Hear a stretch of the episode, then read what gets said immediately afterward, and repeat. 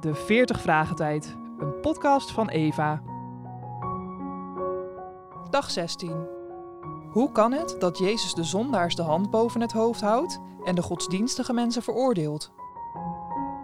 We lezen Lucas 15, vers 1 tot en met 10.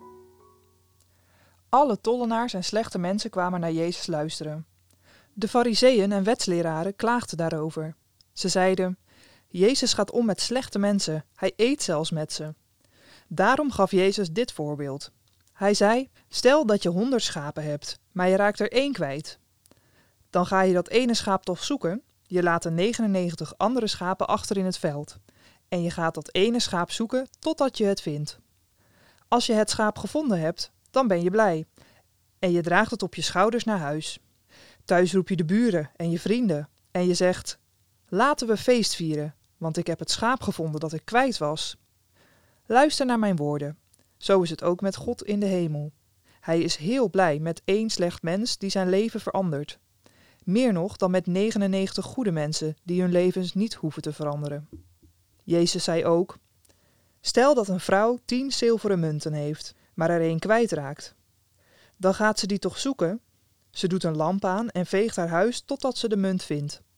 En als ze hem gevonden heeft, dan roept ze haar vriendinnen en buren en ze zegt: Laten we feest vieren, want ik was mijn zilveren munt kwijt, maar ik heb het gevonden. Luister naar mijn woorden. Als één slecht mens zijn leven verandert, zijn de engelen van God net zo blij als die vrouw. Hoe kan het dat Jezus de zondaars de hand boven het hoofd houdt en de godsdienstige mensen veroordeelt? Het antwoord.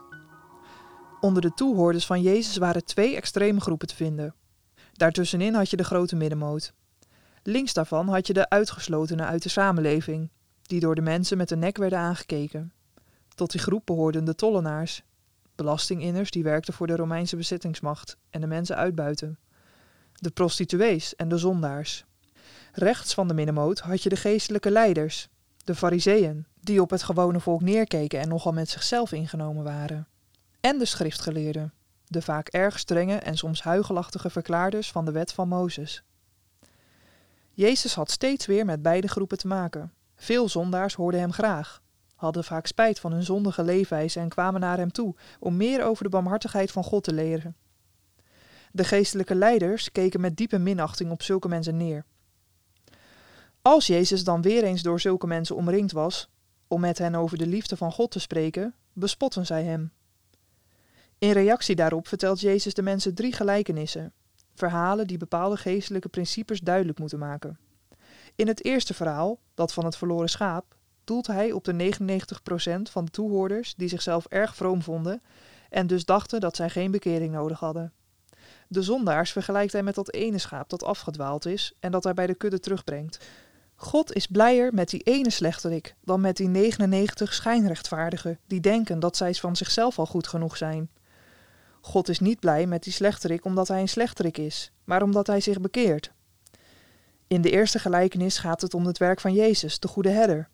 In de tweede gelijkenis gaat het om het werk van de Heilige Geest, die naar het verlorene op zoek is om het te vinden. En de derde gelijkenis, die morgen aan bod komt, gaat om God de Vader. In die eerste en derde gelijkenis gaat het schaap respectievelijk de zoon zelf er vandoor. Maar in de tweede gaat het om een munt die passief is en zoek is. In alle drie de gelijkenissen gaat het om de geweldige feestvreugde in de hemel over de zondaar die terugkeert naar God, zelfs al is het er maar één. De teruggevonden zondaar is blij. Maar het feit dat God nog veel blijer is, mag ons diep raken. God strijkt niet met de hand over zijn hart als de zondaar bij hem teruggebracht wordt, maar stort al zijn liefde over hem uit.